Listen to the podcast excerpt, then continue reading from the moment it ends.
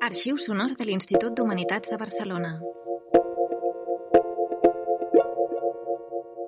De la política a lo político. Herramientas para interpretar y transformar el mundo. Sexta sesión.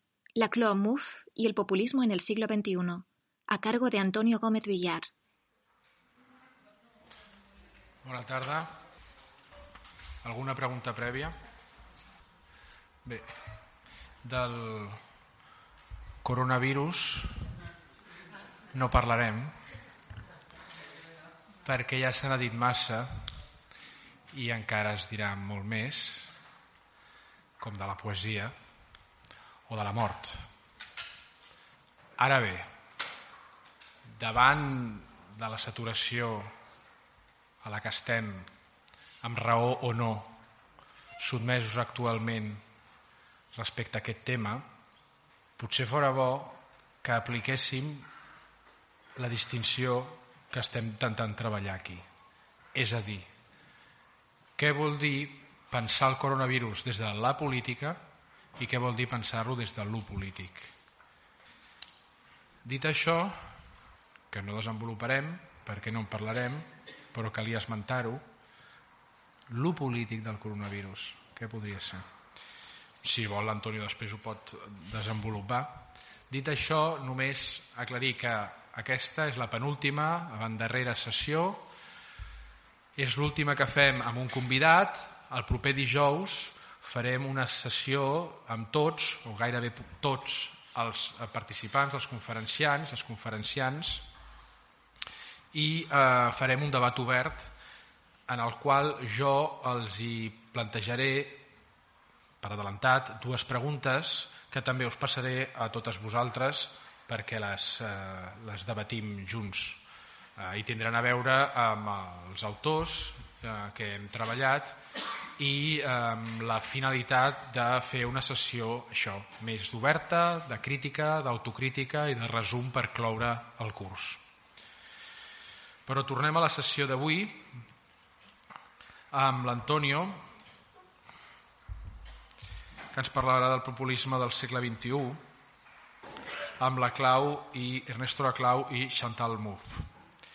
L'Antonio, jo crec que a diferència dels altres conferenciants, és realment un especialista, vulgui o no, en teoria política, en filosofia política, en història dels moviments socials, i llavors és un plaer poder-lo tenir aquí, com ja veureu, pel tot el saber històric i conceptual que pot desplegar. No diré totes les eh, coses que fa, que hi podeu consultar el currículum de la seva fitxa que està al CCCB, només que és professor de Filosofia a la Universitat de Barcelona i a la Universitat Autònoma de Barcelona i consultor a la UOC. Ha estat eh, recentment amb un projecte molt interessant, coordinador del projecte Working Dead, escenarios, escenarios del post-trabajo, a la Virreina, aquest centre eh, d'art i producció de pensament que ens està donant tantes alegries a la ciutat comtal, a diferència de les tantes penes que ens donen altres centres. Ell ha realitzat estàncies d'investigació aquí i allà, mm, per tot el món, i té unes línies d'investigació que avui ja podreu veure per on van i que tenen a veure amb la redefinició del concepte i la recomposició de classe atenent a les subjectivitats i les noves relacions culturals i polítiques.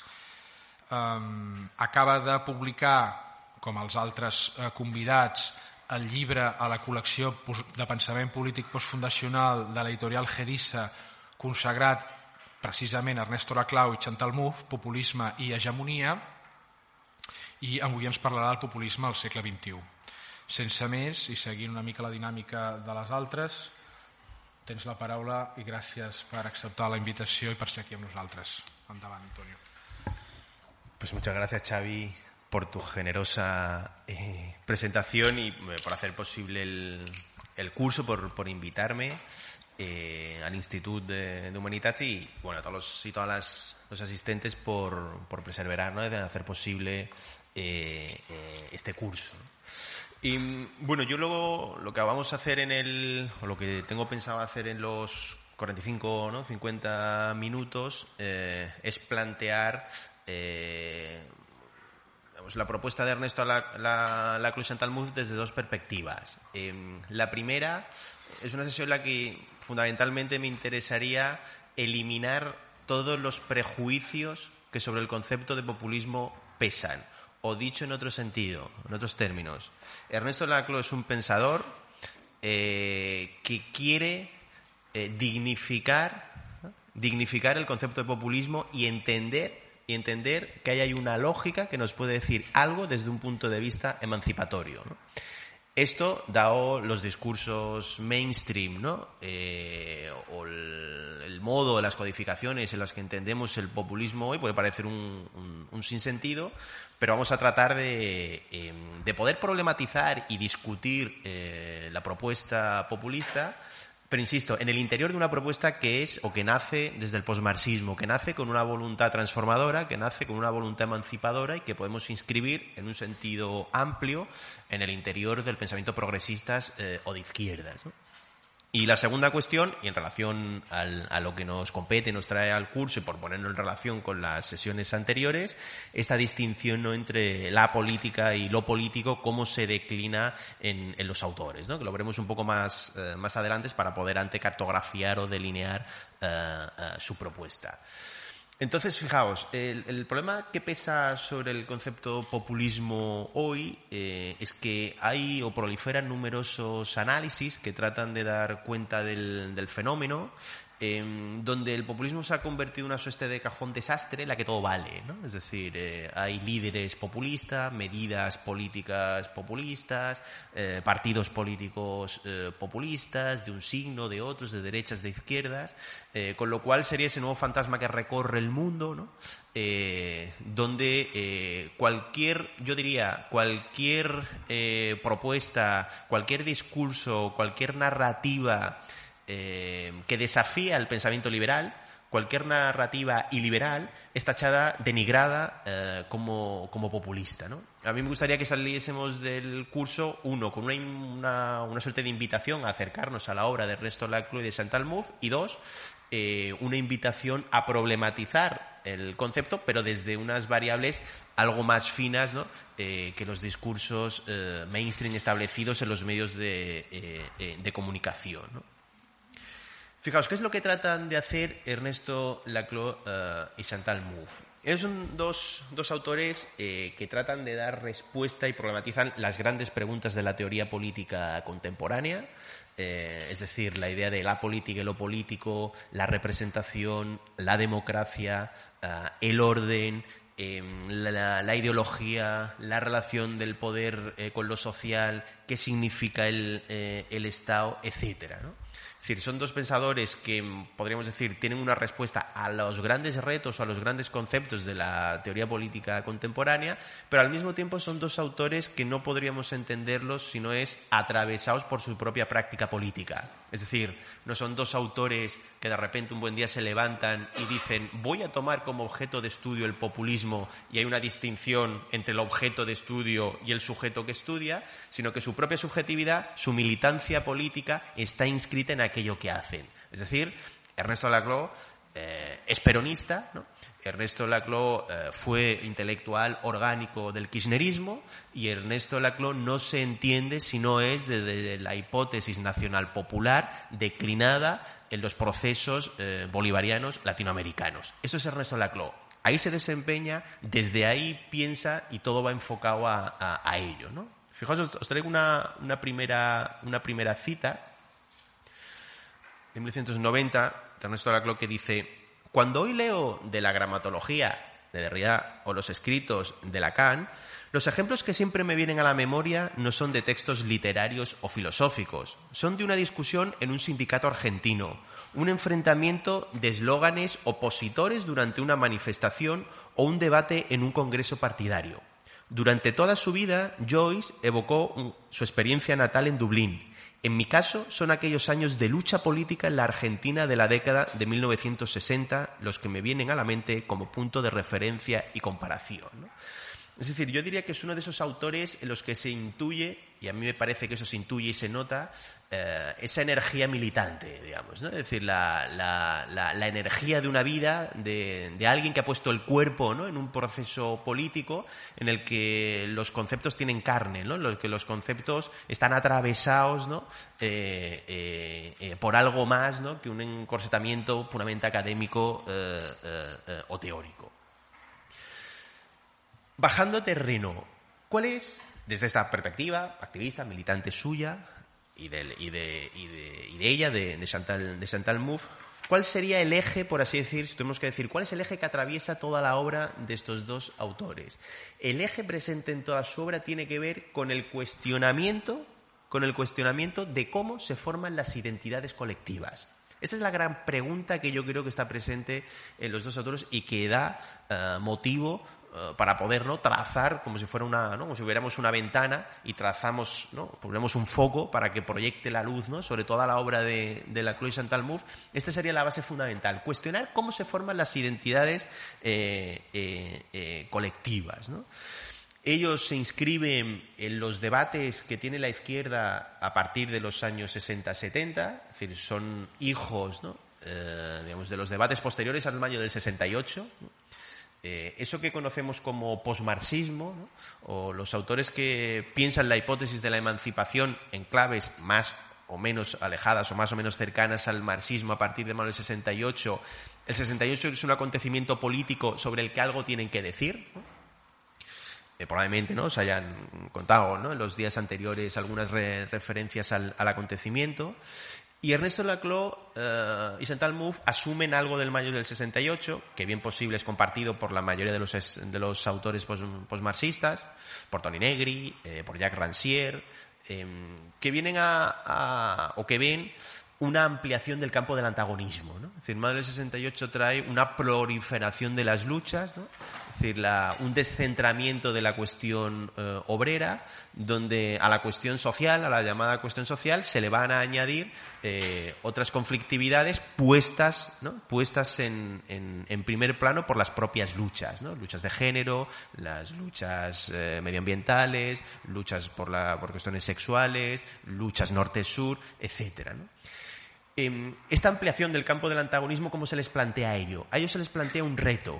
Se les plantea un reto de decir, aun reconociendo esa pluralidad, aun reconociendo ese nuevo campo, ese nuevo terreno de luchas, es un terreno, un campo que hay que articular. Es, un, es, un, es, una filosofía, la de, la de Ernesto de Chantal una lógica de la articulación. Es decir, así como en Tony Negri, por ejemplo, o en los pensadores más imbuidos por el pensamiento de la diferencia francés, por los recorridos de Foucault, Deleuze, el, el propio uh, uh, Derrida, Guattari, etcétera, están pensando cómo la diferencia, ¿no? Eh, no la diferencia diferida, sino la diferencia que difiere, es decir, cómo pensar la inmanencia, cómo pensar las luchas en sí mismas, eh, cómo pensar lo social y lo político ahí. Ernesto Laclau y Chantal Mouffe, primera cuestión que nos aproximamos al problema, están pensando, están diciendo, eso que sucede en el ámbito de lo social lo que podríamos decir hoy, lo que hacen los movimientos sociales, lo que hacen las protestas, lo que hacen los acontecimientos políticos en el ámbito de lo social, no es para ellos propiamente político. Es aquello que puede conducir a la política, pero no tiene un estatuto eh, eh, político. Es decir, si le preguntamos a Ernesto Laclau, no sé, ¿y para ti el 15M es político o no? Dice, no es político en sí mismo, puede conducir a la política, pero necesita un proceso de articulación. Ese proceso de articulación lo vamos a llamar político. O si nos vamos a su caso, Argentina, 2001, ¿no? el proceso 2001, piqueteros, movilizaciones fuertes. ¿Es eso político? Para Ernesto Lacroix Santalmuf, no. ¿Puede conducir a la política? Sí, su articulación kirchnerista. Digamos, ¿no? Es decir, esta sería la primera idea básica a tener presente. Por tanto, cuestionamiento de identidades colectivas y una lógica de la, eh, eh, de la articulación. Esto comporta, desde un punto de vista teórico, eh, varias distancias con el marxismo clásico. Eh, y aquí una advertencia. Mm, Ernesto Laclau y Chantal Mouffe eh, no son grandes lectores de Marx, no hay grandes referencias a Marx en su obra. Cuando se refieren al marxismo lo hacen de un modo vago, eh, vamos a decir, eh, las narrativas y las prácticas hegemónicas en el marxismo clásico de los partidos comunistas y de los sindicatos comunistas en, eh, en la primera mitad eh, del siglo XX. Digamos. Eso es lo que tienen, lo que tienen eh, presente. Es decir, podríamos impugnar el resto de la CLO que la lectura que hace del marxismo no tiene o no es fiel con una determinada lectura de Marx. Podría ser, pero no es ese su, eh, su objetivo. Digamos. Es una lectura no tanto, digamos, filológica ¿no? sobre los textos de Marx, sino sobre las prácticas, sobre las prácticas que inspiraron partidos y sindicatos de orientación marxista. ¿Qué es lo que ven ellos? ¿Qué es lo que ven ellos en, los partidos comunistas eh, desde mediados del siglo XX y segunda mitad del siglo XX en la práctica sindical y de qué se distancian? Primero, ellos entienden que a partir de los años 60-70 no es posible hablar más de leyes de la historia. Es decir, no hay alguna idea fundamental, es decir, no, no hay una. la idea de por el conocimiento de alguna ley de la historia podemos conocer cómo la historia se va a desarrollar, es algo que para ellos eh, eh, cae. No hay nada que nos permita predecir qué es lo que va a ocurrir. La revolución no va a tener lugar sí o sí. El conocimiento de las, de las leyes de la historia no nos va a desembocar en ningún proceso eh, em, emancipatorio. ¿no? Un nuevo orden emancipatorio es posible, pero no hay ninguna necesariedad inherente eh, a él. Dos, si no existen las leyes de la historia, rompen con los planteamientos idealistas de la conciencia de clase. Em, es decir, eh, lo que viene a romper es con la narrativa del marxismo clásico, tal como ya os la entienden, existe eh, la materialidad de la explotación, existe un sujeto explotado, que es la clase obrera, que es la clase trabajadora, que está inscrita en unas dimensiones de, eh, explotación. Tenemos el instrumento tenemos el instrumento que va a posibilitar su salida del lugar de la emancipación, que es el, partido, el partido de vanguardia. Tenemos también la, gramática, que es la revolución, pero al marxismo clásico se le plantea un problema. Dice, ¿y cómo unimos, cómo unimos el partido, la expansión política, con la materialidad de la explotación? Lo que une el partido con la explotación del proletariado es la conciencia, la posibilidad de la concienciación, la toma de conciencia, ¿no? es decir, el conocimiento de la propia condición de explotado y su vinculación eh, eh, eh, con el partido político. Con lo cual, esto quiere decir que para el proletariado hay una verdad que preexiste a su propio conocimiento. Es decir, el proletario tiene que saber o tiene que conocer, hay que concienciar de que efectivamente está explotado. Pero está explotado antes de que él conozca que estaba explotado. Hay alguien que puede denunciar ese, lugar. Para Ernesto Lacroix no existe ninguna verdad escondida que haya que, desvelar, no existe un proletariado dormido que haya que, eh, eh, despertar, eh, y digamos, por decirlo en términos actuales, ante la pregunta de ¿y cómo es posible que un obrero vote a fuerzas políticas de derechas? Eh, existe esa, ¿no? ese, meme famoso ¿no? que dice, no hay nada más tonto que un obrero votando a Vox. ¿no? Eh, para Ernesto Laclau diría, claro, pues eso presupone una cosa, presupone que hay alguien que sabe qué es lo que le conviene o una verdad escondida sobre la práctica concreta de una determinada posición en la estructura de la explotación.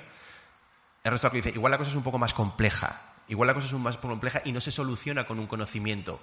No resulta que vamos a la casa del obrero, le tocamos a la puerta, decimos estás equivocado porque en realidad esas medidas políticas fiscales van contrarios a, tus intereses, a la clase a la que perteneces y por tanto lo que tendrías que hacer es votar X, que es lo único que te sacará de tu situación. No hay un golpear al pueblo para que despierte, no hay ningún nadie dormitando. Por tanto, uno, ruptura de las leyes de la historia. Dos, eh, eh, ruptura de la relación del partido con el proletariado a través de la, de la conciencia. Y tres, rompen el, historicismo eh, eh, dialéctico. Es decir, la sociedad comunista no va a llegar. No existe el horizonte, no existe la posibilidad de la redención, no existe la revolución como el momento transicional de un tipo de sociedad a otra. No va a advenir. No existe una, esfera fuera de conflictos, no, no, existe una esfera en la que no existen relaciones de poder, en la que no existen relaciones de explotación no hay no, no hay una secularización del momento eh, eh, paradisíaco declinado eh, políticamente, digamos, ¿no? Es decir, la, la, narrativa marxista clásica, tal como ellos la entienden, insisto, y sobre esto podemos discutir, entienden que hay una, una narrativa judeocristiana, por así decir, imbuida en la narrativa marxista, ¿no? La idea del sujeto de la historia, el capital, el pecador, el paraíso, eh, eh, la, sociedad, la sociedad comunista, el momento de la redención, la revolución. Es decir, es una narrativa que está imbuida eh, o que hay una analogía, podríamos de, decir, ¿no? propia de la matriz judeo, judeocristiana. ¿no? Rompen, por tanto, con la, con la dialéctica. Con lo cual, si a ellos les interesa el cuestionamiento de las identidades colectivas, es básicamente porque no es posible pensar una identidad en sí. Es decir, y yo soy la clase trabajadora, y yo soy el sino que siempre van a pensar que las identidades políticas es el resultado de una articulación. Y se van a preguntar, se van a preguntar cómo es que las identidades se articulan. Porque si yo digo, eso que haces no es lo que le pertenece a tu clase social, lo que estoy diciendo es que tú ya tienes una identidad previa al margen de tu acción, al margen de tu agencia, al margen de lo que tú hagas. Es decir, hay una esencia, tu identidad, que no coincide con tus prácticas. Ernesto Laclau plantea justamente lo contrario. Vamos a pensar la identidad como el resultado de unas determinadas prácticas. Y la lucha política, la lucha política la van a hacer eh, o la van a a inscribir en, eh, en, esa, en, esa, dimensión. Bien, si este es el, digamos, el, marco teórico, por así decir, general, ¿no? los posicionamientos, insisto, en el marco del posmarxismo, luego del mal 68, el cuestionamiento de las identidades colectivas, su distancia respecto al marxismo, atravesados por una cuestión práctica, vamos a aterrizar a la cuestión, al populismo. ¿no? Vamos a aterrizar con este marco, qué es lo que se entiende por populismo, qué no se entiende para poder, eh, digamos, articular un poco ¿no? la propuesta de Ernesto Laclau de cara luego a poder eh, eh, discutirla. ¿no? Fijaos, primera cuestión fundamental. Em, lo primero que habría que decir es que el populismo, para Ernesto Laclau y Santalmuf, no es ningún movimiento político. Es decir, no tendría sentido que, que, nadie dijera, y aquí nosotros los populistas. Es decir, alguien puede decir, aquí nosotros, yo qué sé, los liberales, eh, aquí nosotros, los fascistas, aquí nosotros, los socialdemócratas, los comunistas, los anarquistas. Si alguien dice eso, ¿no? si alguien ahora dijéramos, mm, presentemos cada cual su ideología política, ¿tú qué te consideras? ¿no? Y alguien nos dice, pues yo soy, yo que sé, socialdemócrata, ¿no? Dice, ah, vale, a mí rápidamente se me activa el chip de más o menos te puedo inscribir eh, en una tradición, en una corriente, unas determinadas propuestas, sé lo que puedes pensar sobre un determinado concepto de libertad, de justicia, lo que entiendes por el Estado, a quién puedes votar, etcétera, digamos. Em, otro dice, soy marxista, vale, aquí es más complicado, pero exactamente en qué corriente, digamos, ¿no? Yo vengo de la tradición del no sé qué, liberal, pero liberal no de los neocons ni de los neoliberales, sino de la matriz rolsiana, pero pasado por working, no sé, podemos hacer mil, da igual, pero, pero es posible, ¿no?, definir un sujeto político además. ¿no? Por eso dice uno es liberal, digo, ah, pues este privilegia el individuo. ¿no? Si alguien dice que es marxista, tiene una concepción colectiva de las, de las identidades. Si dice que es republicano, pues el ciudadano. Si dice que es ecologista, pues el medio ambiente. Y ahora ecologista, antropocéntrico, no sé cuánto y tal. Pero siempre hay ¿no? un sujeto político y unas medidas acordes a, a ellos. Si alguien dice yo soy populista, la pregunta es, ¿Y qué medidas políticas, en qué medidas políticas está pensando? ¿Qué concepción de la justicia, de la libertad? ¿A quién vota? Es decir, no es posible definir eso. Y no es posible definirlo ¿por qué? Porque el populismo no es un movimiento político que tenga una base ideológica reconocible, sino que es, atención, la lógica, la lógica a partir de la cual se construye un pueblo. Toma ya. Eh, es decir,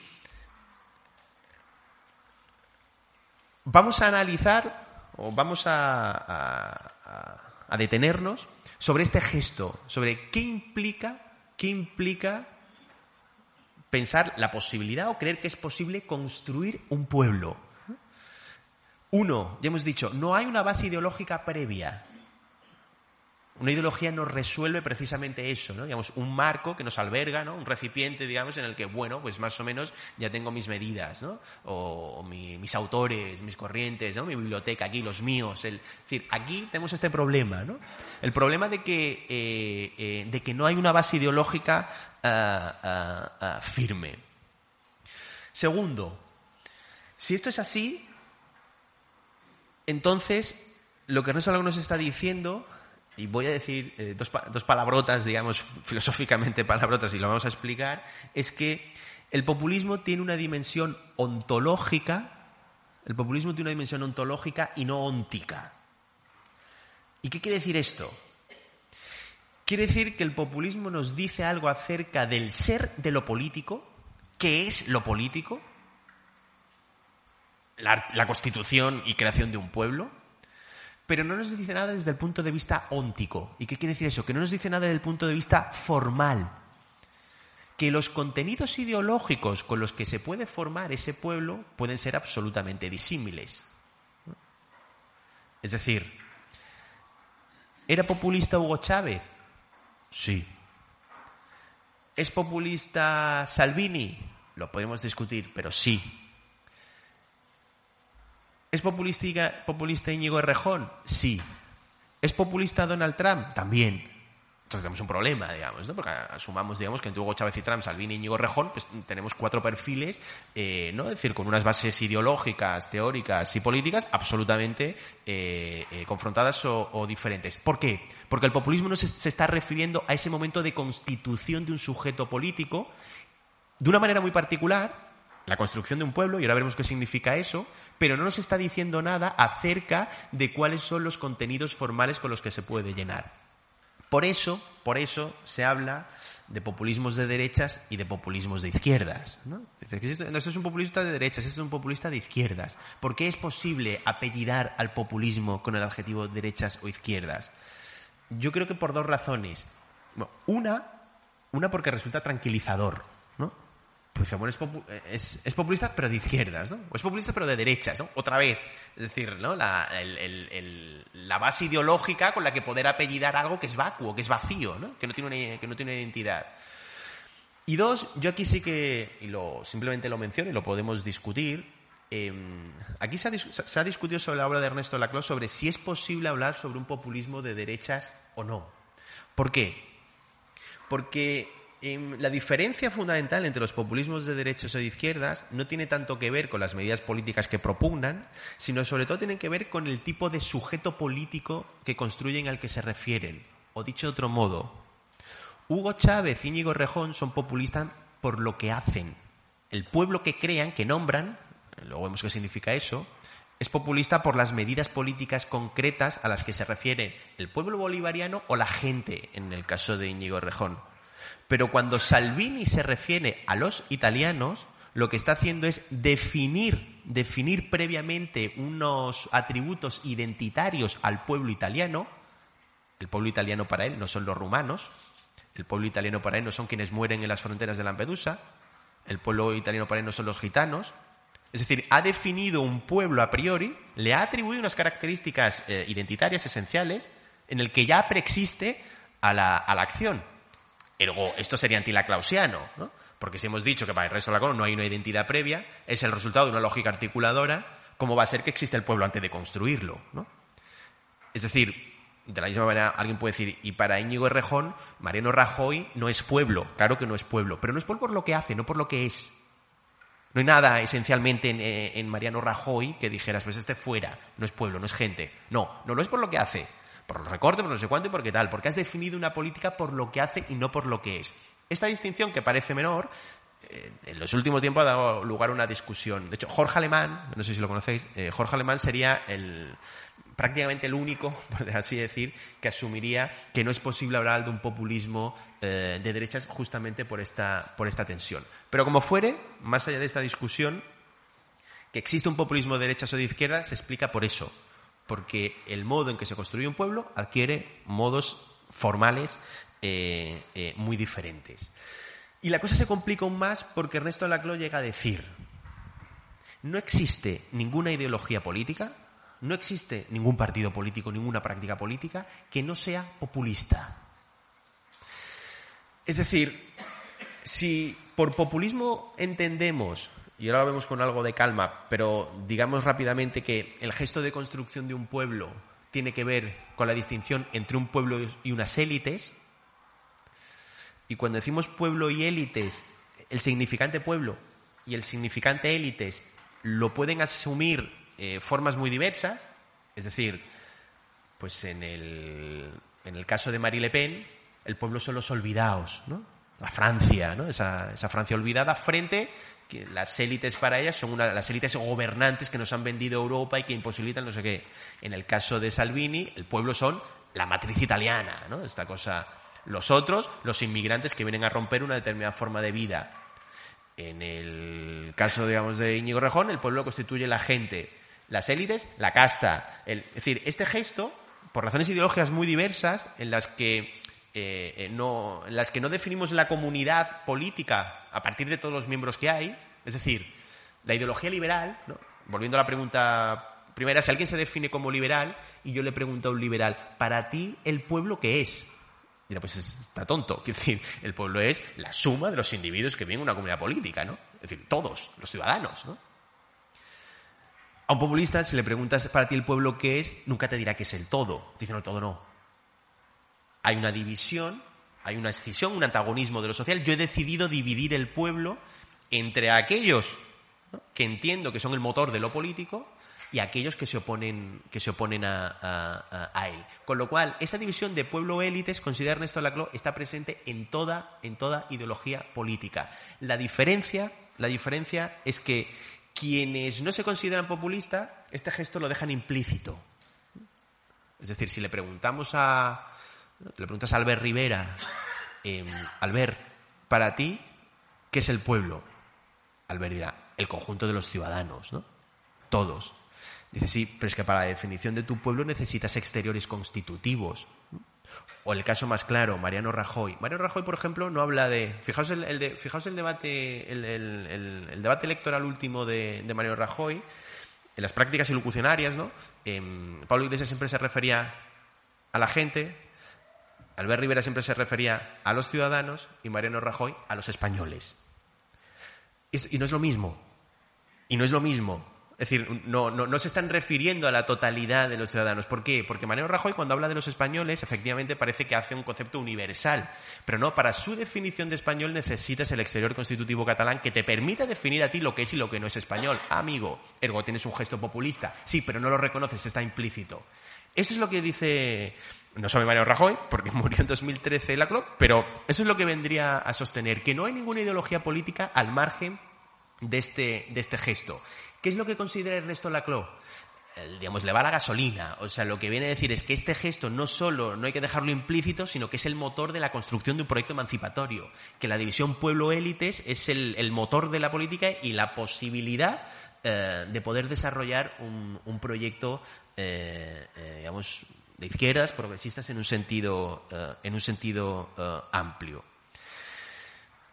Vamos entonces a rastrear cuáles son las, tensiones conceptuales eh, y el desarrollo que acompaña a esta definición.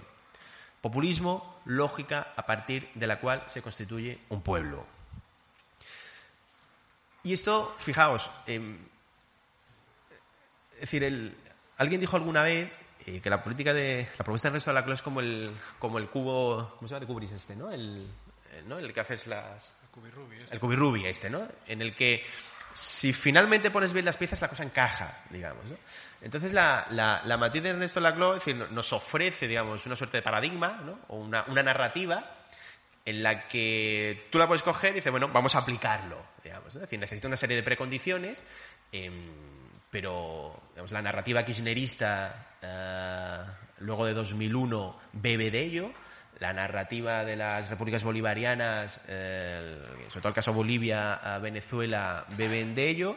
Eh, digamos, si la matiz de, eh, de, Íñigo Rejón en Podemos es en 2014, bebe de, de, ello. Son contextos muy distintos, pero en las que más o menos, digamos, hay, una, hay un marco que se aplica, ¿no?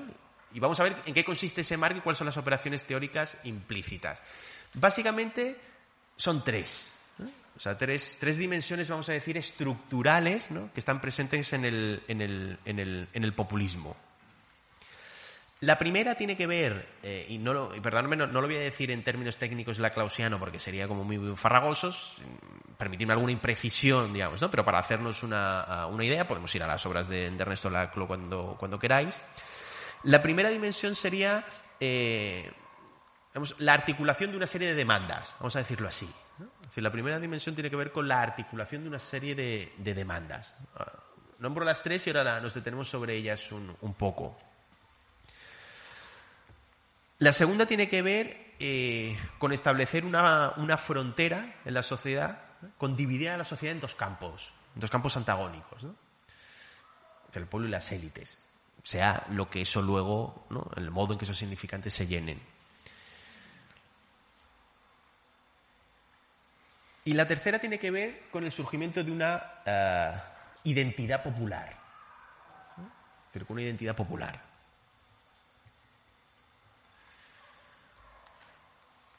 Y aquí es donde podríamos inscribir la distinción entre la política y lo político que acompaña al, curso, ¿no? y tal como lo, pensaba y lo planteaba eh, Xavi.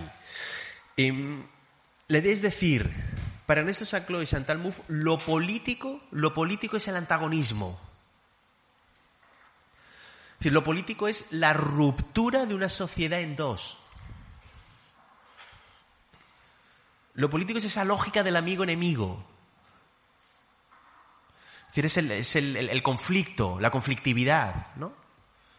Insisto, inherente, no es que esto estén, es decir, no es que la está obsesionada por el conflicto, ¿no? De juegue más conflictivo, no, es que cree que es el modo propio de constitución de la, de la, sociedad, es que, es así, está, está, hay un punto de realismo, es decir, así es como funciona lo político, digamos, ¿no? Es decir, joder, la CLO, eh, un poco más de, ¿no? Menos punch, más pacífico, dice, bueno, a mí no me lo cuente, o sea, la, la vida humana y las sociedades mismas, ¿no? Entonces, lo político sería ese momento de, de, eh, eh, de antagonismo, y la política vendrían a ser el conjunto de prácticas correspondientes a la mm, política tradicional. Es decir, para las medidas políticas estatales, el, funcionamiento rutinario, jurídico de cualquier tipo de, eh, de, sociedad. La novedad aquí viene, la novedad aquí viene en que ellos están tratando de pensar lo siguiente. Lo que están tratando de pensar no es bueno, entonces tenemos un momento populista, ¿no? de ruptura de la sociedad en dos, de antagonismo fuerte, se ha producido algún tipo de crisis, la gente no confía en las instituciones, se señala un culpable, pero luego llegará el momento de calma y de paz y todo se relajará. ¿no? Entonces luego viene la política. Lo que ellos quieren pensar es una política que no se cierre a lo político, o que lo político esté siempre en el interior de la política ahora vemos con calma, digamos, cómo sería esto. Pero la, idea sería esta, no la contraposición entre lo político y la política, sino pensar lo político en el interior de la política.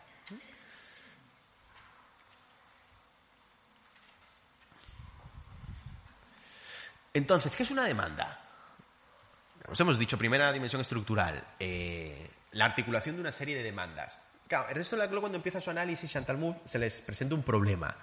Entonces dicen, si nosotros queremos cuestionar las identidades colectivas, si entendemos que no existe una a priori una identidad ya dada, sino que es el resultado de la articulación, entonces yo no puedo empezar mi, análisis a través de análisis de los partidos políticos, o del Estado, o de los movimientos sociales, eh, o de la asociación de vecinos, sino que necesito pensar cuál es la unidad mínima de análisis que va a articular una lógica colectiva.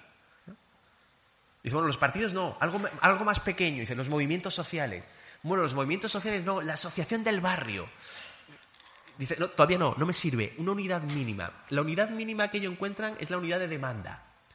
Demanda como petición y reclamo. Pongamos un ejemplo. Imaginemos un distrito de Barcelona, un barrio, ¿no? en el que tenemos un... De repente hay una conflictividad eh, en la que hay determinadas demandas, en el sentido de peticiones y reclamos no satisfechas. Pensemos, pues no sé, ¿no? Un barrio X eh, que resulta que eh, pues eh, hay problemas con el alcantarillado, ¿no? el barrio huele muy mal. Eh, además, las líneas de autobuses son, no, llegan a la parte alta de no sé qué y hay personas con problemas de movilidad reducida que no pueden desplazarse. La ratio de las escuelas está a petar. Las listas de esperas en el CAP son, terribles y hay poco sitio para que los niños puedan jugar en el parque y pocas zonas verdes. Entonces tenemos una serie de demandas. las demandas no tienen ninguna dimensión ideológica. Eso no es de izquierdas, ni de derechas, ni de centro. No es nada, son demandas concretas. ¿Dónde viene la operación política fundamental? Y esta es, ah, si entendemos esto, entonces ya el resto de la CLO, digamos, lo surfeamos, digamos, eh, sin, sin, problema. La operación política por antonomasia viene en la capacidad de nombrar a un enemigo común a esas demandas. Y alguien puede decir, bueno, está clarísimo.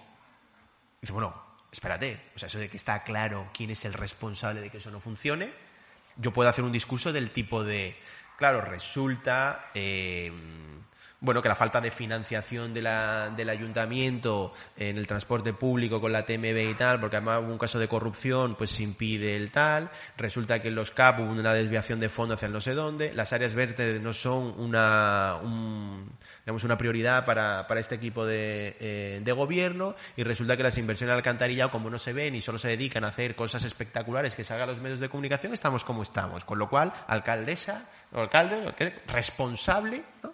Responsable de esta situación. Con lo cual, hay una práctica política en la que podemos nombrar. ¿no? Pero podemos hacer otro discurso.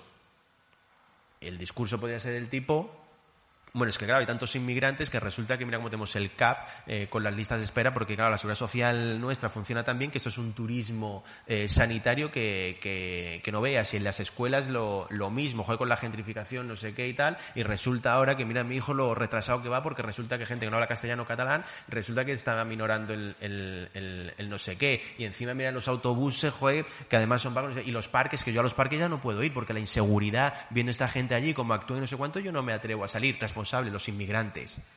Entonces la pregunta es, ¿esa demanda cuál es la ideología inherente a esas, a esas demandas? ¿no? el problema de Ernesto Laclo es, la batalla política no es por las demandas, la batalla política es por la lógica de su articulación. ¿Y cómo se articulan?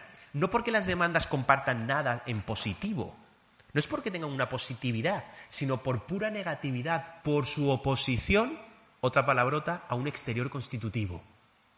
O dicho de otro modo, si en el primer caso lo que habría es el bulem un barri digna, por ejemplo, ¿eh? queremos un barrio digno. En el segundo caso podría ser queremos un barrio para los de aquí. Es decir, hay un nosotros, queremos un barrio digno, o un barrio primero para los de casa, no sé, una cosa de estas, en las que no hay nada que positivo que comparte esas demandas, sino simplemente su oposición a un exterior constitutivo. Y aquí es donde viene una cuestión fundamental en el cuestionamiento de las identidades colectivas que decíamos al inicio. Para Ernesto en la Cruz Santal no existe un nosotros que se articule en plan, nos damos una ideología y nosotros somos los no sé qué, sino que todo nosotros se define por oposición a un ellos. Esa es la, la base fundamental. Toda identidad, Freud, toda identidad se construye por la hostilidad, toda identidad de un grupo se construye por la hostilidad a un tercero. Si ese tercero desaparece, desaparezco yo. Si está, en ese enfrentamiento es donde somos capaces de... Entonces, tenemos unas determinadas demandas. Unas determinadas demandas, no lo que, pero en términos laclausianos, habrían construido una, lo que él llama una cadena equivalencial. Es decir, hay una equivalencia entre las demandas gracias a su inscripción en, digamos, en, un proceso de subjetivación social más amplio, ¿no? en una unificación simbólica. Ahora, de repente, si yo digo quiero, quiero un barrio digno, no tengo que decir y la luz y la alcantarilla y el no sé cuánto y las escuelas y el CAP y no sé qué, sino que digo, quiero un barrio digno y ya sé que van todas esas demandas. Si digo un barrio primero para los de casa, las demandas son los mismos, pero la orientación política, ideológica, de ahí, de ese, de ese colectivo, será, ah, será otra. ¿no? Con lo cual, esa, ah, es decir, eh, lo que el resto de la está es abocando al vacío, digamos, ¿no? Es decir, esa, la, una radical construcción o articulación de las identidades políticas más allá de cualquier presupuesto eh, eh, previo. Bien, siguiente paso. Entonces eso nos lleva a una escisión de la sociedad en dos. Em, esto quiere decir que desde ese, momento, desde ese momento, lo que vamos a entender por pueblo, ¿no? si decimos que el, objetivo del resto de la cruz es la construcción de un pueblo, fijaos, la, terminología latina definía pueblo básicamente a partir de dos, eh, de dos conceptos. Uno era el populus, y por populus entendemos la totalidad de los miembros de una comunidad política, y el otro era la plebs, la plebe. Y la plebs no es el conjunto de los miembros de la comunidad política, ¿no? Es decir, hacemos la pirámide de la sociedad feudal, ¿no? el rey, la nobleza, el clero, no sé qué. El, elemento plebeyo. El elemento plebeyo siempre ha tenido un sentido partitivo, de parte. Es decir, cuando Quilapayún, ¿no? el grupo Quilapayún canta aquello del pueblo, jamás, el pueblo unido jamás será vencido, ese pueblo de Quilapayún no es populus, es plebs. Es este punto popular plebeyo de la plebe de una partición, de una parte. Hay algo que se opone a un otro, por eso existe lo plebeyo, ¿no? ¿Qué es lo que tiene que ocurrir? ¿Qué es lo que tiene que ocurrir para que eso que ocurre en lo social, decía al inicio de la intervención, eso que ocurre en lo social adopte un carácter político? Sí, porque las demandas, la plataforma de afectados por la hipoteca, la PA para el resto de la CLO, no es un, movimiento político. Ni las escuelas de catalá, ni la educación no sé cuánto, ni los recortes de sanidad, ni no sé cuánto. Eso no tiene un carácter político, tiene un, un carácter político su articulación. Y su articulación que a partir de una práctica hegemónica. Aquí es donde viene el otro concepto clave ¿no? de, la, hegemonía. ¿Qué significa hegemonía en el resto de la Chloe Chantal Mouffe? Hegemonía significa la capacidad de una parte de la sociedad para poder definir el todo. Por ejemplo, y eso tiene que ver con lo de la política lo político, porque quiere decir que esa ruptura de lo político, el momento antagonista, va a estar latente o presente en el momento de constitución de una sociedad con sus reglas, sus modos de funcionamiento. Por ejemplo, pues el ejemplo que porque es, cercano lo conozco, el, ejemplo de la gente, del famoso de Íñigo Rejo. Cuando Íñigo Rejo habla de la gente, no está hablando de la totalidad de los miembros del Estado. Se refiere a una parte, pero que es capaz de definir el todo. Un ejemplo mucho más potente, me parece, me parece a mí. hay, un, hay un grupo de, pensadoras que piensa el feminismo desde la matriz eh, populista. Por ejemplo, Clara Serra, ¿no? el libro de Leonas, Zorras y Leonas, que hace juego con Maquiavelo y con la dimensión del conflicto también. Eh, el libro de Clara Serra de Zorras y, Leonas, o Luciana Cadaya, ¿no? y otras, y otras eh, pensadoras, de Flaxo sobre todo y las latinoamericanas, han tratado de pensar el feminismo desde, eh, eh, desde, una, desde la matriz de resto de la Chloe Chantal Mouffe. ¿Cuál es su argumentación desde el punto de vista del populus, de la plebs y desde la hegemonía? Las mujeres es una, es una parte cuantitativa, desde un punto de vista cuantitativo, el 50 o 51, 52, lo que sea de la población, pero es una, es una parte, no es el todo, pero es esa parte que tiene la capacidad de poder definir un proyecto político para la totalidad. Porque el feminismo no es un proyecto para las mujeres, es un horizonte de libertad, de justicia y de igualdad que libera a todos. ¿no? En este sentido de la Rita Segato, cuando la Rita Segato habla del mandato de la masculinidad, dice el, feminismo no solo libera a la mujer, libera también al hombre de ese mandato de tener que renovar los votos de virilidad continuamente. Con lo cual, el grito de eh, si nosotras eh, paramos, se para el mundo, lo que viene a decir que hay una parte que tiene un proyecto capaz de definir el todo. Si, eso si ese proyecto de una parte que nace de un partitivo es capaz de definir un proyecto político para la totalidad, eso se llama hegemonía. La capacidad de que un grupo pueda definir, marcar la tendencia del, del, eh, eh, todo por las razones que sea. Por una cuestión eh, de género, una cuestión social o, la, o la que fuera. ¿no? Y claro, la hegemonía tampoco tiene una... no hay una base ideológica previa. ¿Cómo funciona la ideología? Perdón, la, hegemonía. Y en relación a lo que decía de que no existe un, horizonte dialéctico de superación. Voy, a poner un ejemplo. Voy a poner un ejemplo. Bueno, primero digo la parte teórica y ahora lo, tratamos de, ejemplificar. Em, claro, lo, que hacen Néstor Laclau y Chantal Mouffe es releer a Gramsci aunque digamos, hay una relectura de Gramsci, pero más o menos digamos, toman la, cuestión de ahí diciendo que muchas veces se dice los valores hegemónicos, los, una hegemonía, la hegemonía no es imposición. La hegemonía no tiene que ver con el despliegue de una ideología. Alguien muchas veces se piensa en el imaginario, cuando se usa el término hegemonía, dice, estos ideales son hegemónicos. Pareciera que estamos diciendo que existen unas ideas previas y que esas ideas se han hecho porosa o que se han impuesto o que ya son mayoritarias. Es como una especie de un despliegue, ¿no? La hegemonía no tiene que ver con el despliegue, no es una, una guerra, digamos, abierta, sino que es una guerra de posición. ¿Y qué quiere decir? Quiere decir que la hegemonía es siempre una, lógica de desarticulación y articulación a un mismo tiempo, que tiene un pie en el sentido común y ese pie se le da un sentido de contestación. Y voy a poner un ejemplo, porque es, un poco complejo, digamos, esta operación eh, teórica, o sea, compleja para explicarla rápido, digamos, no porque no... Hace un, par de años, em, eh, buscando escuelas Bresol eh, infantil, eh, me zapaté 10 escuelas, ¿no? Pues viendo el proyecto educativo, no sé cuánto y tal. Entonces, en una de ellas, em, voy allí, vamos a, ver la cuestión, y en un momento aparece la presidenta de la AFA, ¿no? y entonces yo no sabía que era la AFA, o sea, nunca había escuchado, ¿no? Entonces hablaba, no sé cuánto y tal, de Mina. Y entonces al final pregunto, digo, ¿AFA qué es? ¿no? Y me dicen, es la Asociación de Familias, ¿no? Y dije, hostia, digo, ya me he equivocado y he venido a la, a escuela del Opus, ¿no? Y yo que creía que venía, digamos, a la charla de la escuela pública. O sea, ese, fue, ¿no? Mi primer... Es decir, rápidamente el significante familia fue como, ostras, horror, ¿no? Es decir... Y entonces eh, me acerqué a la presidenta de la AFE y le pregunté, digo, es que, o sea, cuando yo, cuando yo estudiaba la, la, EGB, claro, esto era el, el, era el APA, Asociación de Padres y Alumnos. Luego vino el AMPA, ¿no? Asociación de Padres y Medio, pues esto de, de la AFA. Eh, y me dice la, la señora, atención, me dice, mira, es que, ¿sabes qué pasa? Que nos hemos dado cuenta de que con todos los cambios sociales que ha habido en el último tiempo, pues al final lo de padres y madres se quedaba como muy estrecho y nos daba cuenta de la diversidad de modos ¿no? de, organización familiar. Eh, pues hay dos mamás sin ningún papá, un papá son no sé cuánto, el otro con la abuela, el que fue en eh, los refugiados en acogida, el que se ha adoptado, el que no sé cuánto y tal, con lo cual mm, esto era un lío, el papá divorciado, la mamá el no sé cuánto, el novio de, la novia de, entonces esto era un lío que mejor decimos, mira, familia familias, aquí que cada cual, ¿no? Que para todo, ¿no?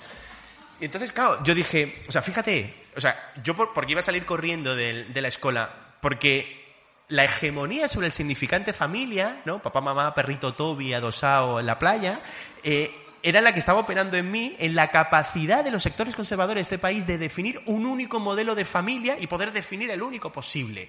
¿Qué, cuál era una posibilidad?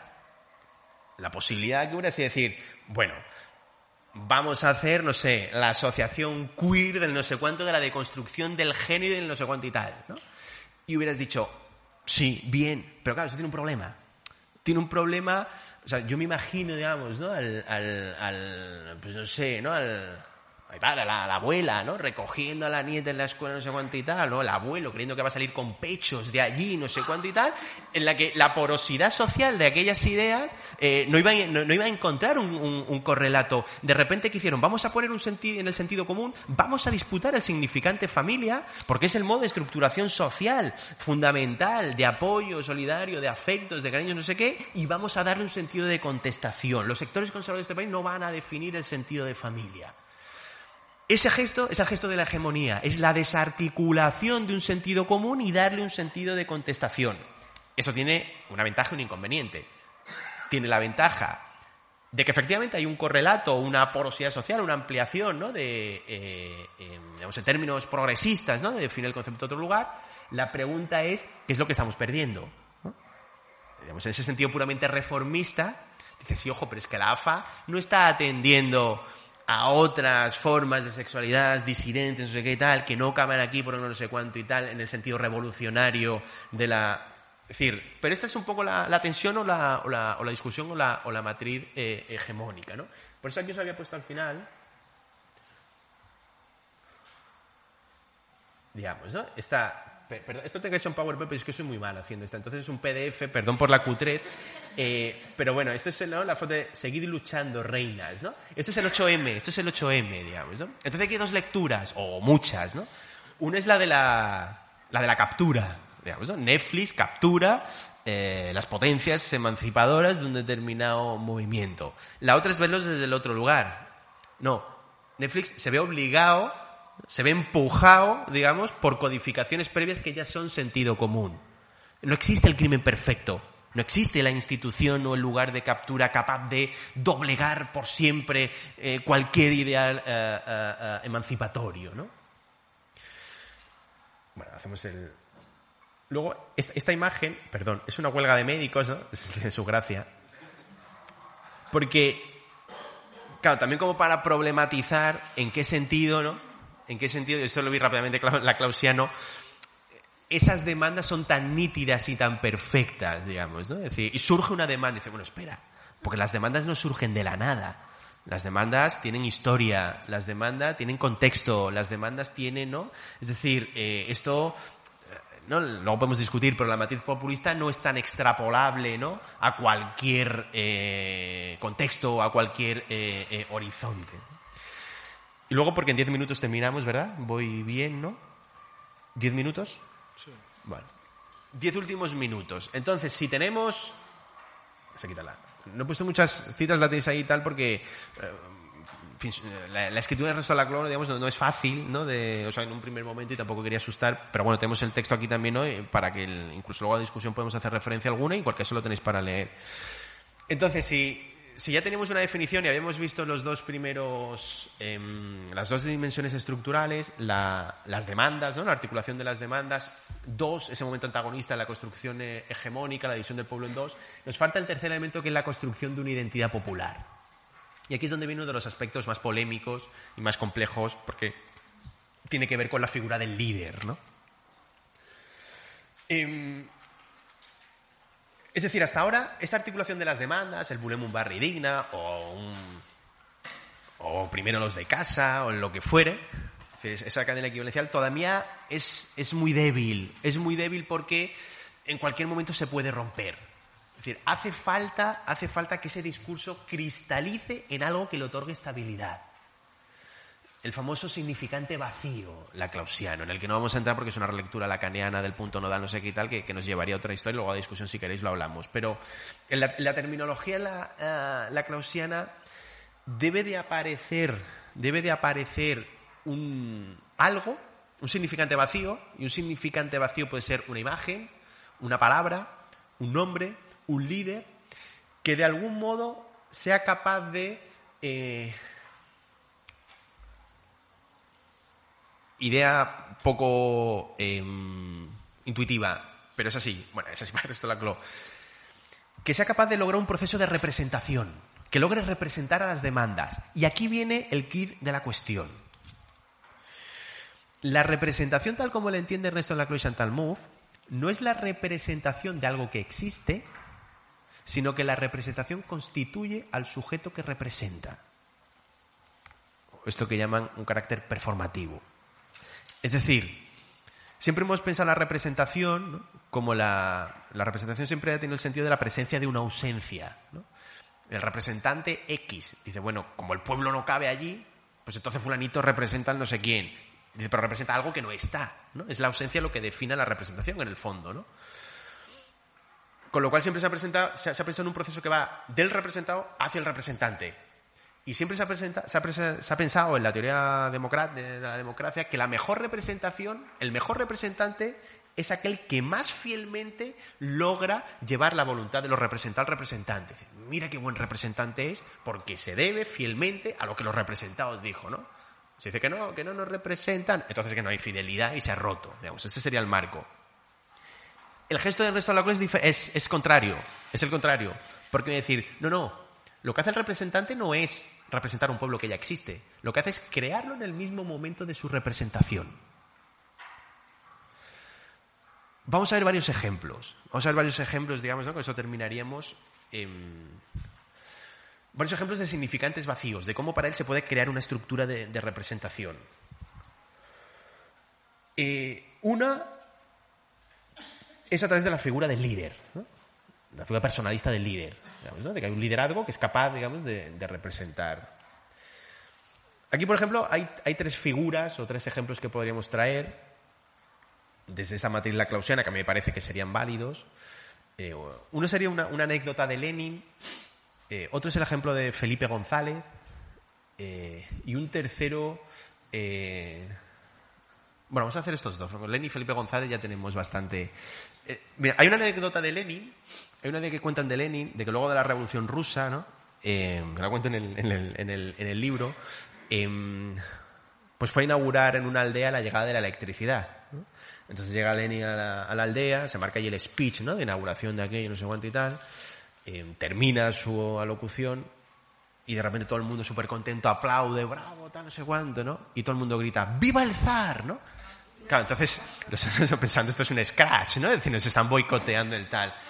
Y entonces la, la, toda la camaradería, ¿no? Lenin dice, no, a ver, eh, o sea, ha habido un proceso de revolución no sé cuánto y tal, el zar ya no, es justamente por eso, por lo que ya la electricidad, por la revolución de campesinos y proletarios, no sé cuánto, y la extensión de los procesos de producción, plan quinquenal del no sé cuánto, ¿no? Explican tal, y todos muy convencidos, ¿no? Entonces se retira la comitiva ya, y cuando se retiran todos siguen aplaudiendo, ¿no? Y le dicen, ¡y viva el zar! ¿no? Es decir, ¿En qué medida, ¿no? en qué medida el ¿no? era una figura que el imaginario colectivo no podía ser otra en la que representara, ¿no? estaba inscrito en esa memoria colectiva de que solo él, en aquel momento, con esa distancia del campo a la ciudad, podía representar esos intereses.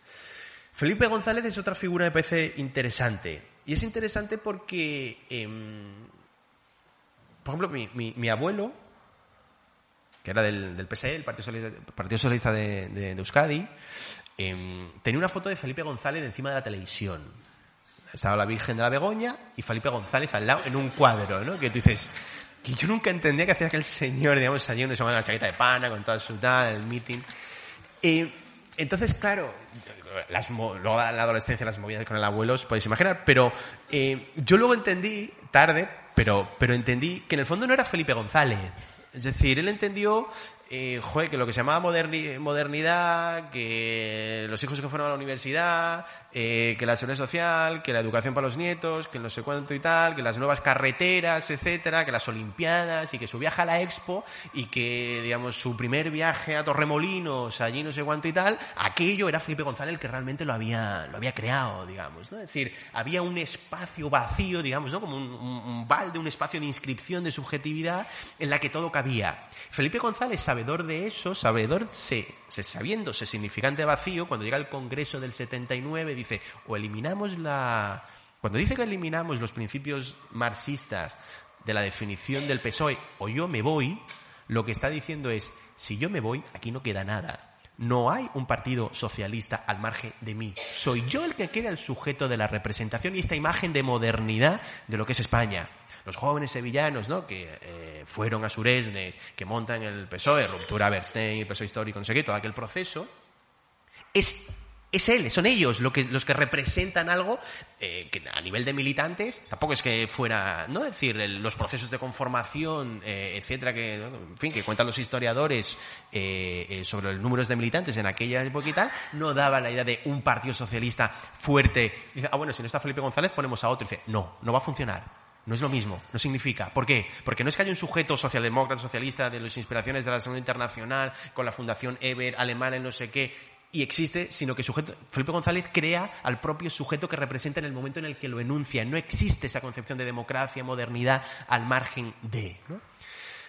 Por tanto, serían dos ejemplos para, para Néstor Laclau de cómo una serie de demandas, democracia, eh, libertades, eh, no sé cuánto, tal, modernización, que podrían, cambio, que podrían en un momento ¿no? cristalizar uh, ahí. Pero puede ser también una palabra, Ernesto Laclau pone un ejemplo en la razón populista del, del, papel que jugó la palabra mercado en la, en la oposición al régimen soviético en la, en la, Alemania del Este. Y Ernesto Laclau decía, mercado se convirtió en un significante vacío porque había sido vaciado de su significado. Es decir, si yo ahora os digo, ¿qué pensáis del mercado? Esto que dicen los, ¿no? los, los que digan la neuro, esto del que te dicen, tipo periódicos, los que tienen más activado en el cerebro, la parte no sé qué son de derechas y los no cuánto la de izquierda, ¿no? Pues si yo digo es mercado, a la, gente de, de, de, de repente es como ¡bum! Mal, eh, sinónimo de desigualdad, desprotección, eh, guerra de todos contra todos, ¿no? Alguien de centro, centro derecha liberal dirá, bien, ¿no? El mercado es lo que posibilita que cada cual con sus ideas pueda intercambiar en función de sus preferencias, sus ideales, igual a libertad, fantástico, ¿no?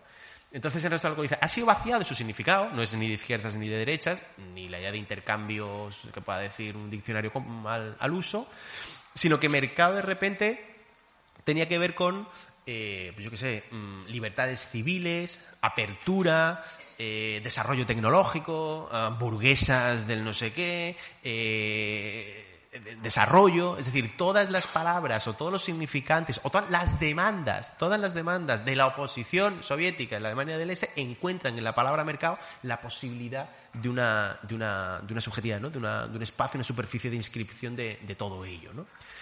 Con lo cual, estas tres dimensiones, estas tres dimensiones, insisto, las demandas, la ruptura de la sociedad en dos, el surgimiento de una identidad popular que crea su sujeto en el momento en el que lo enuncia, eh, serían las tres dimensiones fundamentales que estarían presentes en esa definición de la construcción eh, eh, de un pueblo.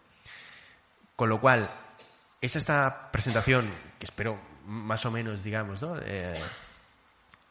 primero que haya sido vuestro interés, y antes que primero de vuestro interés, que más o menos hemos podido seguir, eh, pues si os parece, estaré encantado eh, de que podamos eh, discutirla, debatirla, dialogarla, aplicarla, compartirla, etcétera,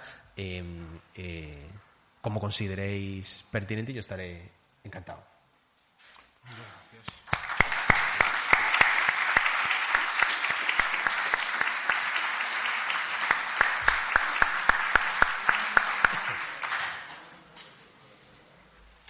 Bé, doncs eh, ja ho ha dit eh, l'Antonio.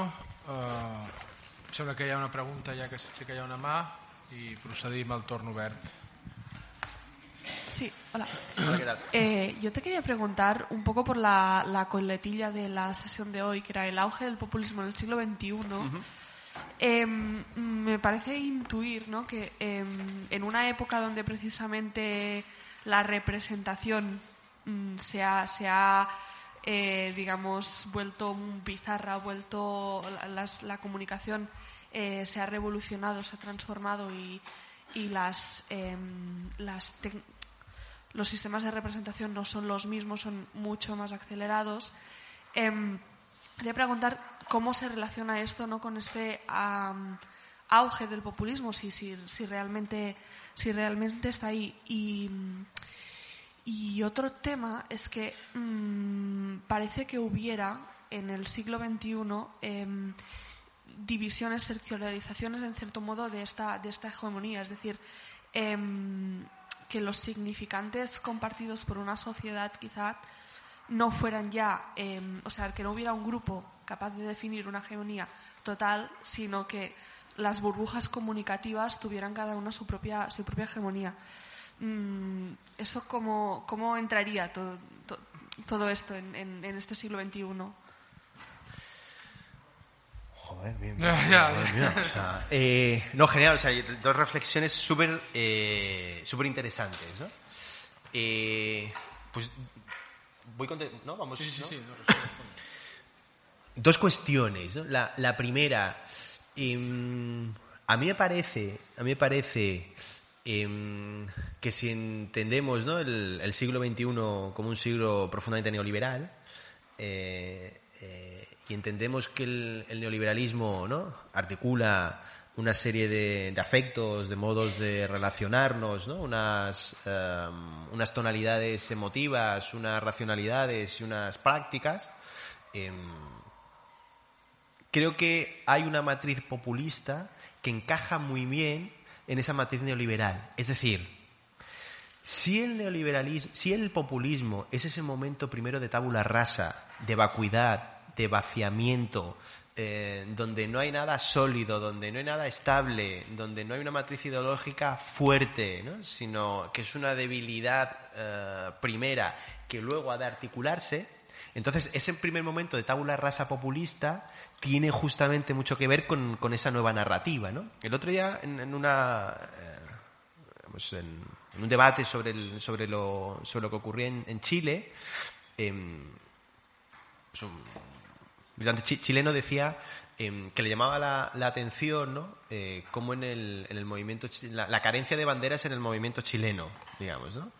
Es decir, banderas ideológicas concretas. Es decir, los nuevos cabildos y los modos de organización están más allá, digamos, de, digamos, del el narcisismo de las pequeñas diferencias. Y yo el anarquista, y yo el no sé cuánto, y yo del tal, y yo del otro, y yo del otro, ¿no? sino poder poner justamente las demandas y una concepción amplia de malestares y dolores sociales más allá de su inscripción ide ideológica o de su correlato.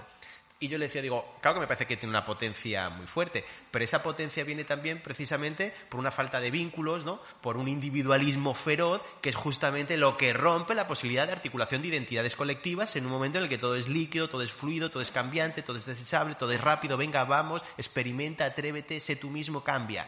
Con lo cual creo, ¿no? en relación a lo primero que planteas, que hay una narrativa eh, populista que encaja, que encaja muy bien en ese momento ¿no? de, tabla eh, rasa. ¿no? Quienes en algún modo han tratado esto también, sería, uno, sería Diego Stulbark, ¿no? es, un, es un pensador argentino que ha escrito, escribió un libro en, en, caja negra y que pronto creo que estará por, aquí y, haremos alguna cosa, em, que se llama La ofensiva sensible la ofensiva sensible, piensa el proceso, eh, el, argentino, Macri, etcétera, eh, contraponiendo más una filosofía del deseo de Guattari, etcétera, y las micropolíticas, y, dialoga con la política de Ernesto Lacroix y de, Jorge Alemán. Y el segundo, que no es una posición, vamos a decir, más autonomista, la de Diego Stulbar, sino republicana, sería el libro de José Luis Villacañas, que tiene el nombre Populismo, se llama el libro, digamos, ¿no? Y el tercero sería el de Eric Fassin, eh, que también dialoga sobre la narrativa entre neoliberalismo y populismo, solo que él plantea la vuelta a una izquierda sustantiva justamente para evitar esto. Eh, y el de Eric Fassin está publicado en Herder y ahora mismo, lo siento, no recuerdo el, título, digamos, ¿no? pero esta sería... Y en la segunda cuestión me parece también fundamental, ¿no? justamente, y en relación a, esto, a esto primero, eh, es decir, hay algo, hay algo paradójico, ¿no? en cómo en los últimos, es decir, siempre los partidos políticos han albergado eso que se han, llamado diferentes almas, ¿no? Pero lo novedoso es cómo en los últimos años esas almas se escinden y crean a sí mismos sus propios partidos, ¿no? Es decir, el Partido Popular, digamos, una derecha unida, solo existe una, pero aparece un PID, pero luego aparece Ciudadanos, pero luego aparece Vox, ¿no? Y aparece como una ampliación del, del campo, ¿no? O imagínate Podemos, ¿no? Que va por cuatro escisiones, digamos, ¿no? La escisión de la escisión de la escisión. Dice, no, son los mismos, no, pero yo digo que el otro, ¿no? Los anticapitalistas, el rejonismo, el paulismo, no sé qué, Izquierda Unida. Es decir, ¿en qué medida esa imposibilidad de, una, de narrativas fuertes, ¿no? De, de, eh, discursos eh, totales, capaz de poder albergar una comprensión de la totalidad, estalla justamente en un momento donde lo, fragmentario, lo, disperso, lo micro, alcanza eh, un, papel eh, predominante. Creo que hay algo ¿no? en, esa, en eso que tú llamas de las burbujas ¿no? autorreferenciales de esas consistencias, que es, un poco lo que el, pensador Carl Schmitt ¿no? Eh, veía respecto a la, a la, a la República de, de, Weimar. ¿no? Carl Schmitt teorizaba, este no es es, fascista directamente, pero, eh, pero, pero que es interesante. es un pensador, digamos, que más allá de que fuera fascista, tiene una influencia, ojo, en, en, Chantal Mouffe hace una relectura democrática de Carl Schmitt. ¿no? Carl Schmitt, en los, en los años 20, cuando analiza la, República de, Weimar, ¿no?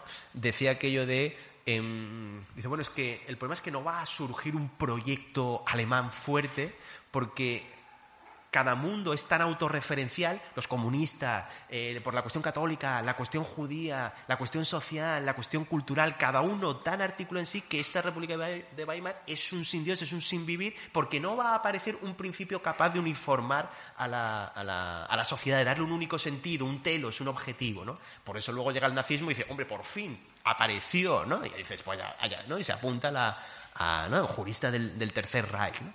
Pero creo que esa, esa tensión está, está, ahí y la observas muy, eh, muy bien. Es muy interesante esto que hablas además de, la, de las burbujas autorreferenciales, ¿no? de, de la imposibilidad de la hegemonía desde...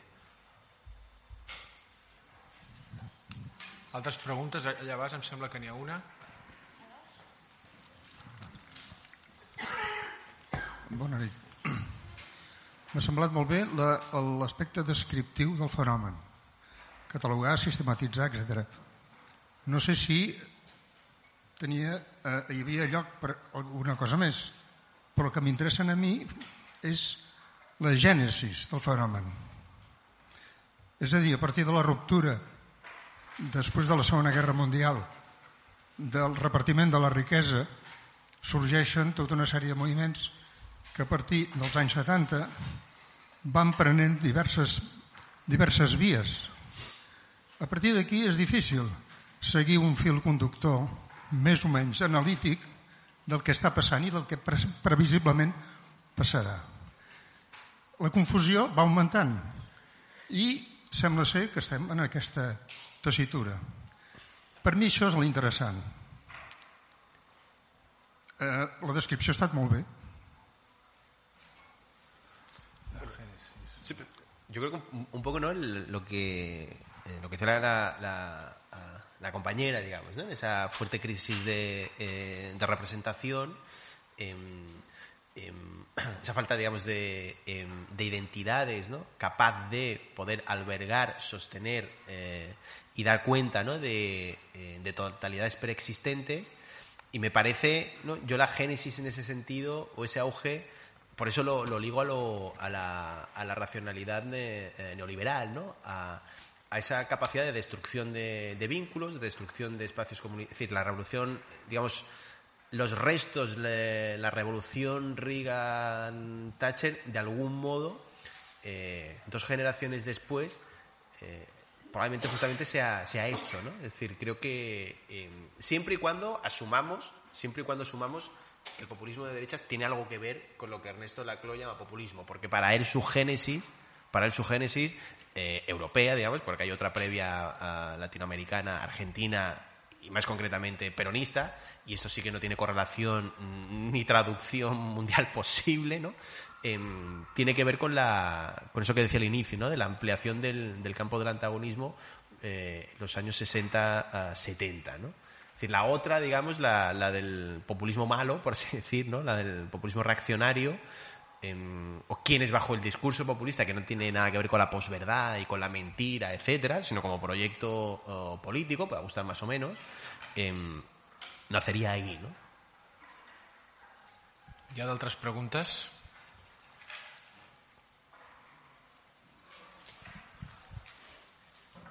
Bueno, muchas gracias. No es, no es, realmente una pregunta, pero como no hay...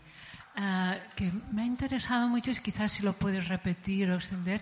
Cuando hablabas de ese significado vacío. Significante vacío. Gracias.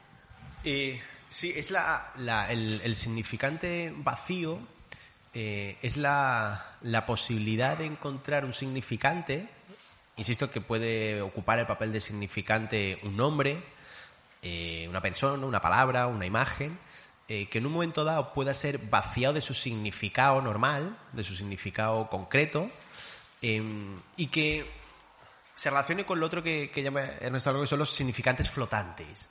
Es decir, en un momento determinado, cuando se produce una crisis orgánica, es decir, cuando la, las instituciones existentes ¿no? no generan confianza ni son vistas como instituciones de representación por parte de la, de la, de la gente, es necesario un nuevo convencimiento. ¿no?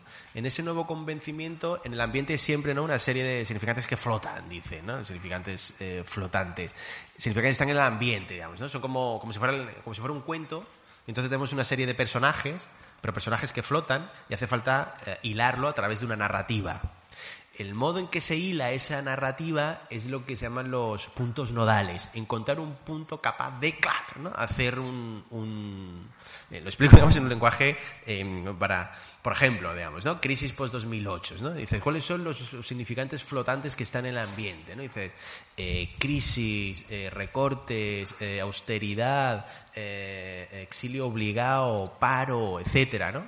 Dices, bien, esos son. ¿Y, y cómo, cuál, es el, cuál es el cuento? ¿no? ¿Cómo, cómo contamos la narrativa? Dice, la narrativa puede ser, y había una vez un país en el que vinieron muchos inmigrantes, entonces la gente se vio abocado al desempleo, ergo luego no pudieron volver, esa es una narrativa. Dos, había una vez una serie de banqueros y políticos eh, eh, cleptocráticos que se dedicaron a instaurar políticas austericidas y neoliberales y condujeron a la población a, ese es otro cuento, la posibilidad de que aparezca un significante vacío capaz de representar, o sea, en los términos de la, que decíamos antes, de crear al sujeto que representa, eh, tiene que ver con, con, con, ello. Es decir, no hay nada inscrito en lo social, no hay nada inscrito en lo social que nos pueda uh, llevar a pensar de manera necesaria cómo se va a declinar un, un, proyecto político. Dicho otro modo,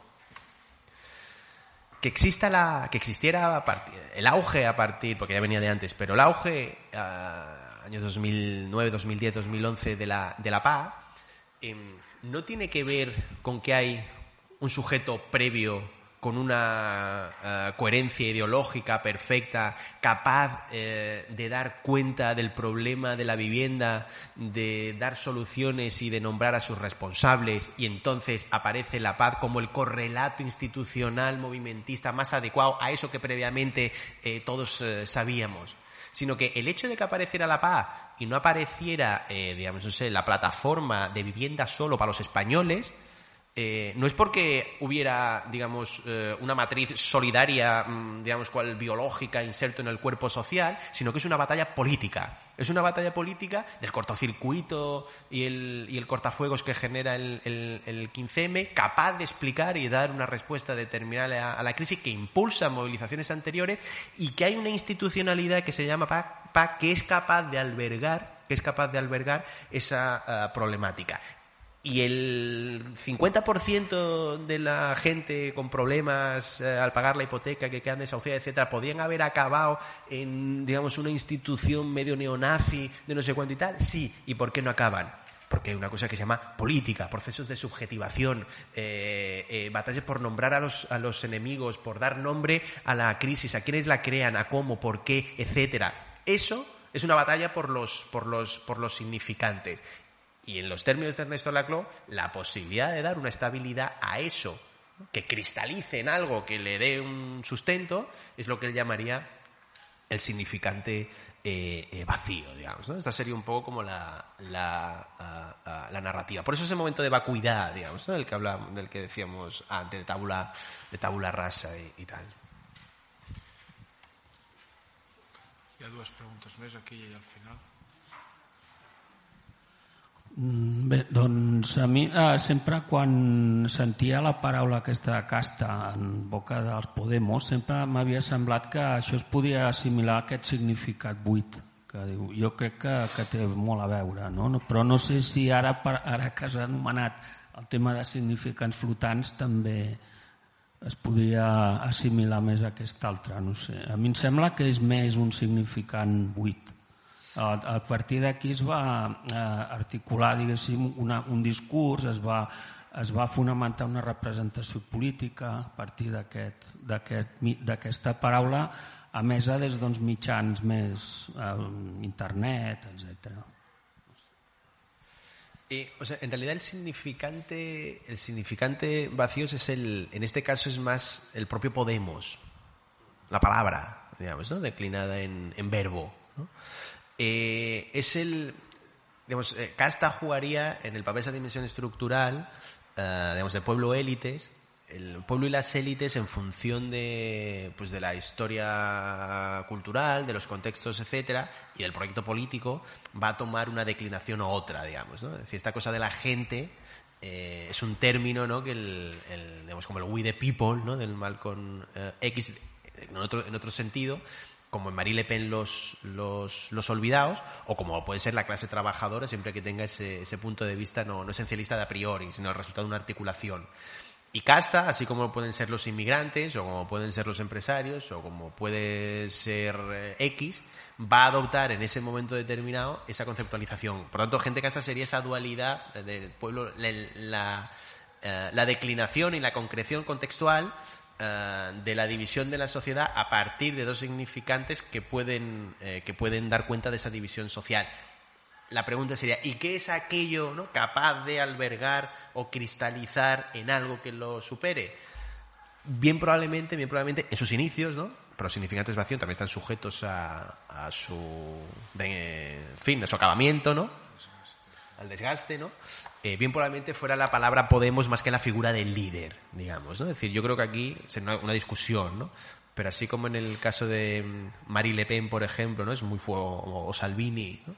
Son muy fuertes ellos, ¿no? Tanto es que ¿no? muchos creen que Salvini era el presidente de Italia, se había comido al otro, fijaos, nadie sabe cuál es su partido, ni si era el, vicepresidente o el presidente. es esa fortaleza para poder nombrar un proceso político en el caso de Podemos, bien probablemente sea que es diferente a Barcelona en común, digamos, ¿no? donde el protagonismo de Ada ¿no?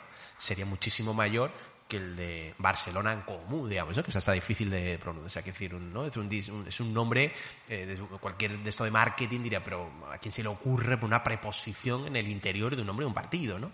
Em, de hecho, la última campaña electoral, ¿no? fíjate, ¿no? el, el punto de la filla de Alguinardó, ¿no? o sea, ya es un, eh, un reduplicar, ¿no? por así decirlo, ese juego ¿no? del, del, de ella, en este caso, la persona, para que la construcción pueda dar cuenta de ello. ¿no? Por tanto, cada movimiento aparece el, el, ese significante, pero siempre dando cuenta de esa, de de división. La yen también es el significante vacío de, de, eh, Ada, ¿no?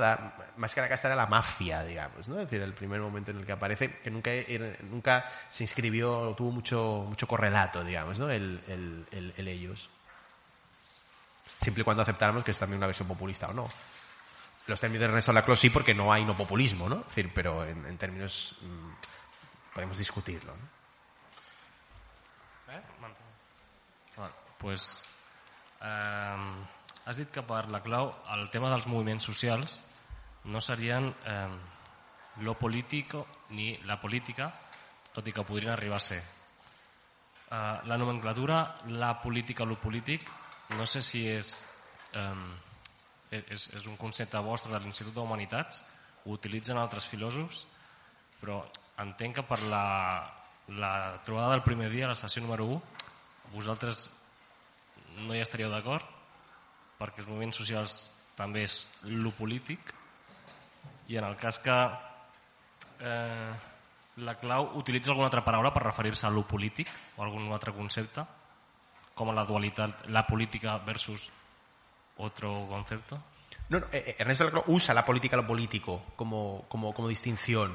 Es, decir, lo, lo, político tendría que ver eh, con el momento del antagonismo la política tendría que ver con eh, pues eso que llamaríamos la, la, política, las medidas políticas clásicas del funcionamiento normal, rutinario, eh, de una comunidad política dada. ¿no? Es decir, la, idea de, de, que hay una comunidad en la que la plenitud de su comunidad está presente, la que funciona, que la institución da respuesta a las demandas de la gente, que existen los vehículos institucionales para canalizar a través del consenso las diferencias de no sé qué. esta, esta narrativa de, eh, y esto funciona, el y esto funciona para Ernesto Laclau sería justamente eh, la política.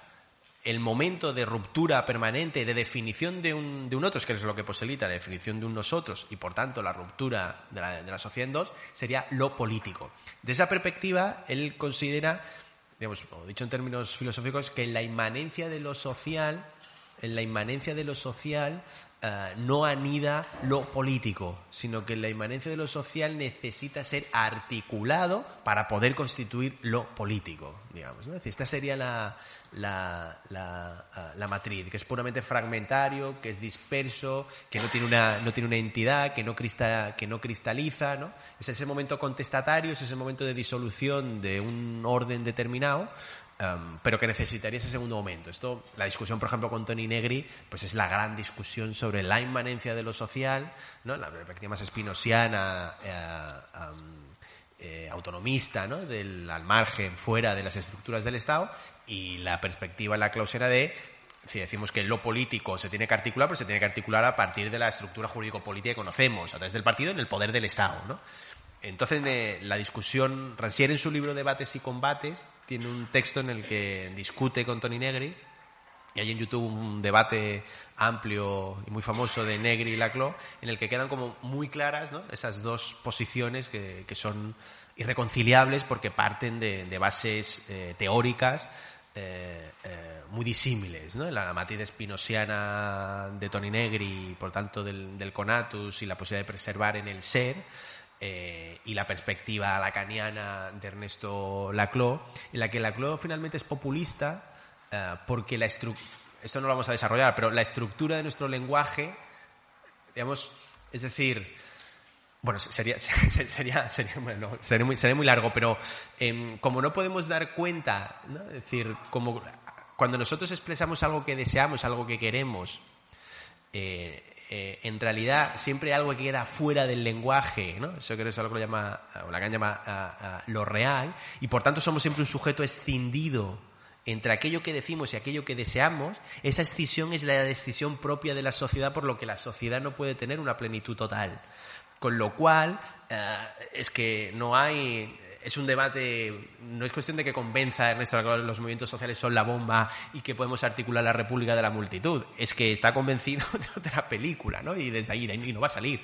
O sea, bueno, ya no porque falleció, pero no, no, no, no, lo sacamos, vamos. O sea, es su, su marco y, inamovible, digamos, ¿no?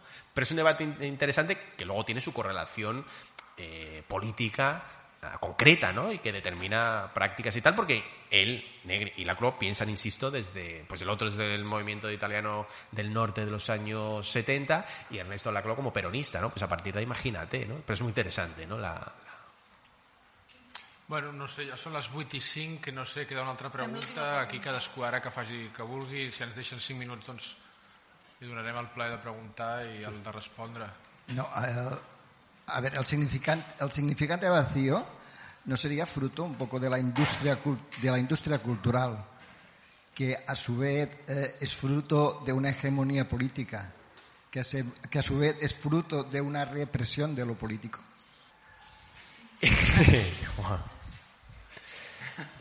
Eh, desde, la, desde la perspectiva de Ernesto Laclau, digamos, eh, para él, ¿eh? no, sería un, digamos, un fuegos de artificio, digamos, no es un departamento de marketing, ¿no?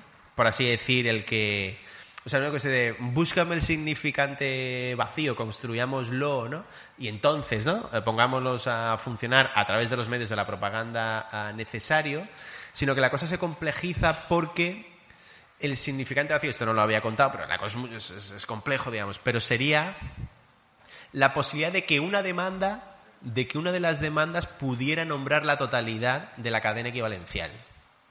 Es decir, cuando se crea un movimiento político a partir de una cadena equivalencial, de una serie de demandas, en ese proceso de articulación siempre va a haber una que va a tomar algún tipo de centralidad. Y esa centralidad es la que va a posibilitar el otorgamiento del, del, significante, del significante vacío. ¿no? Luego, efectivamente, eso se inscribe en las narrativas, en las codificaciones y en el modo en que discurre hoy la, comunicación política eh, y la discusión pública, ¿no? que es un espacio de eh, redes sociales, calle y prensa absolutamente complejo. ¿no? Y ahí, efectivamente, de la misma manera ¿no? que la matiz neoliberal encontraba ¿no? en, en, ese momento de vacuidad un, digamos, un momento perfecto ¿no? para poder dar cuenta de ese proyecto, en una intensificación de, estas mediaciones y estas medialidades, efectivamente encuentra también el populismo un momento fantástico para, para su propio despliegue, ¿no? Pero nada que Goebbels no hubiera ya pensado, digamos, ¿no? en, los años, en los años 30 y que se estudie en todos los departamentos de comunicación política, ¿no? Eso que mi abuela todavía le dice propaganda y que hoy se llama eufemísticamente eh, comunicación política, vamos, ¿no? Es decir, pero sin, sin, sin mayor, ¿no? Es decir, es el... o publicidad, ¿no? Bueno, doncs queden encara, ja veiem preguntes obertes, ens veiem el dijous que ve per la darrera sessió i moltes gràcies per venir. Mm.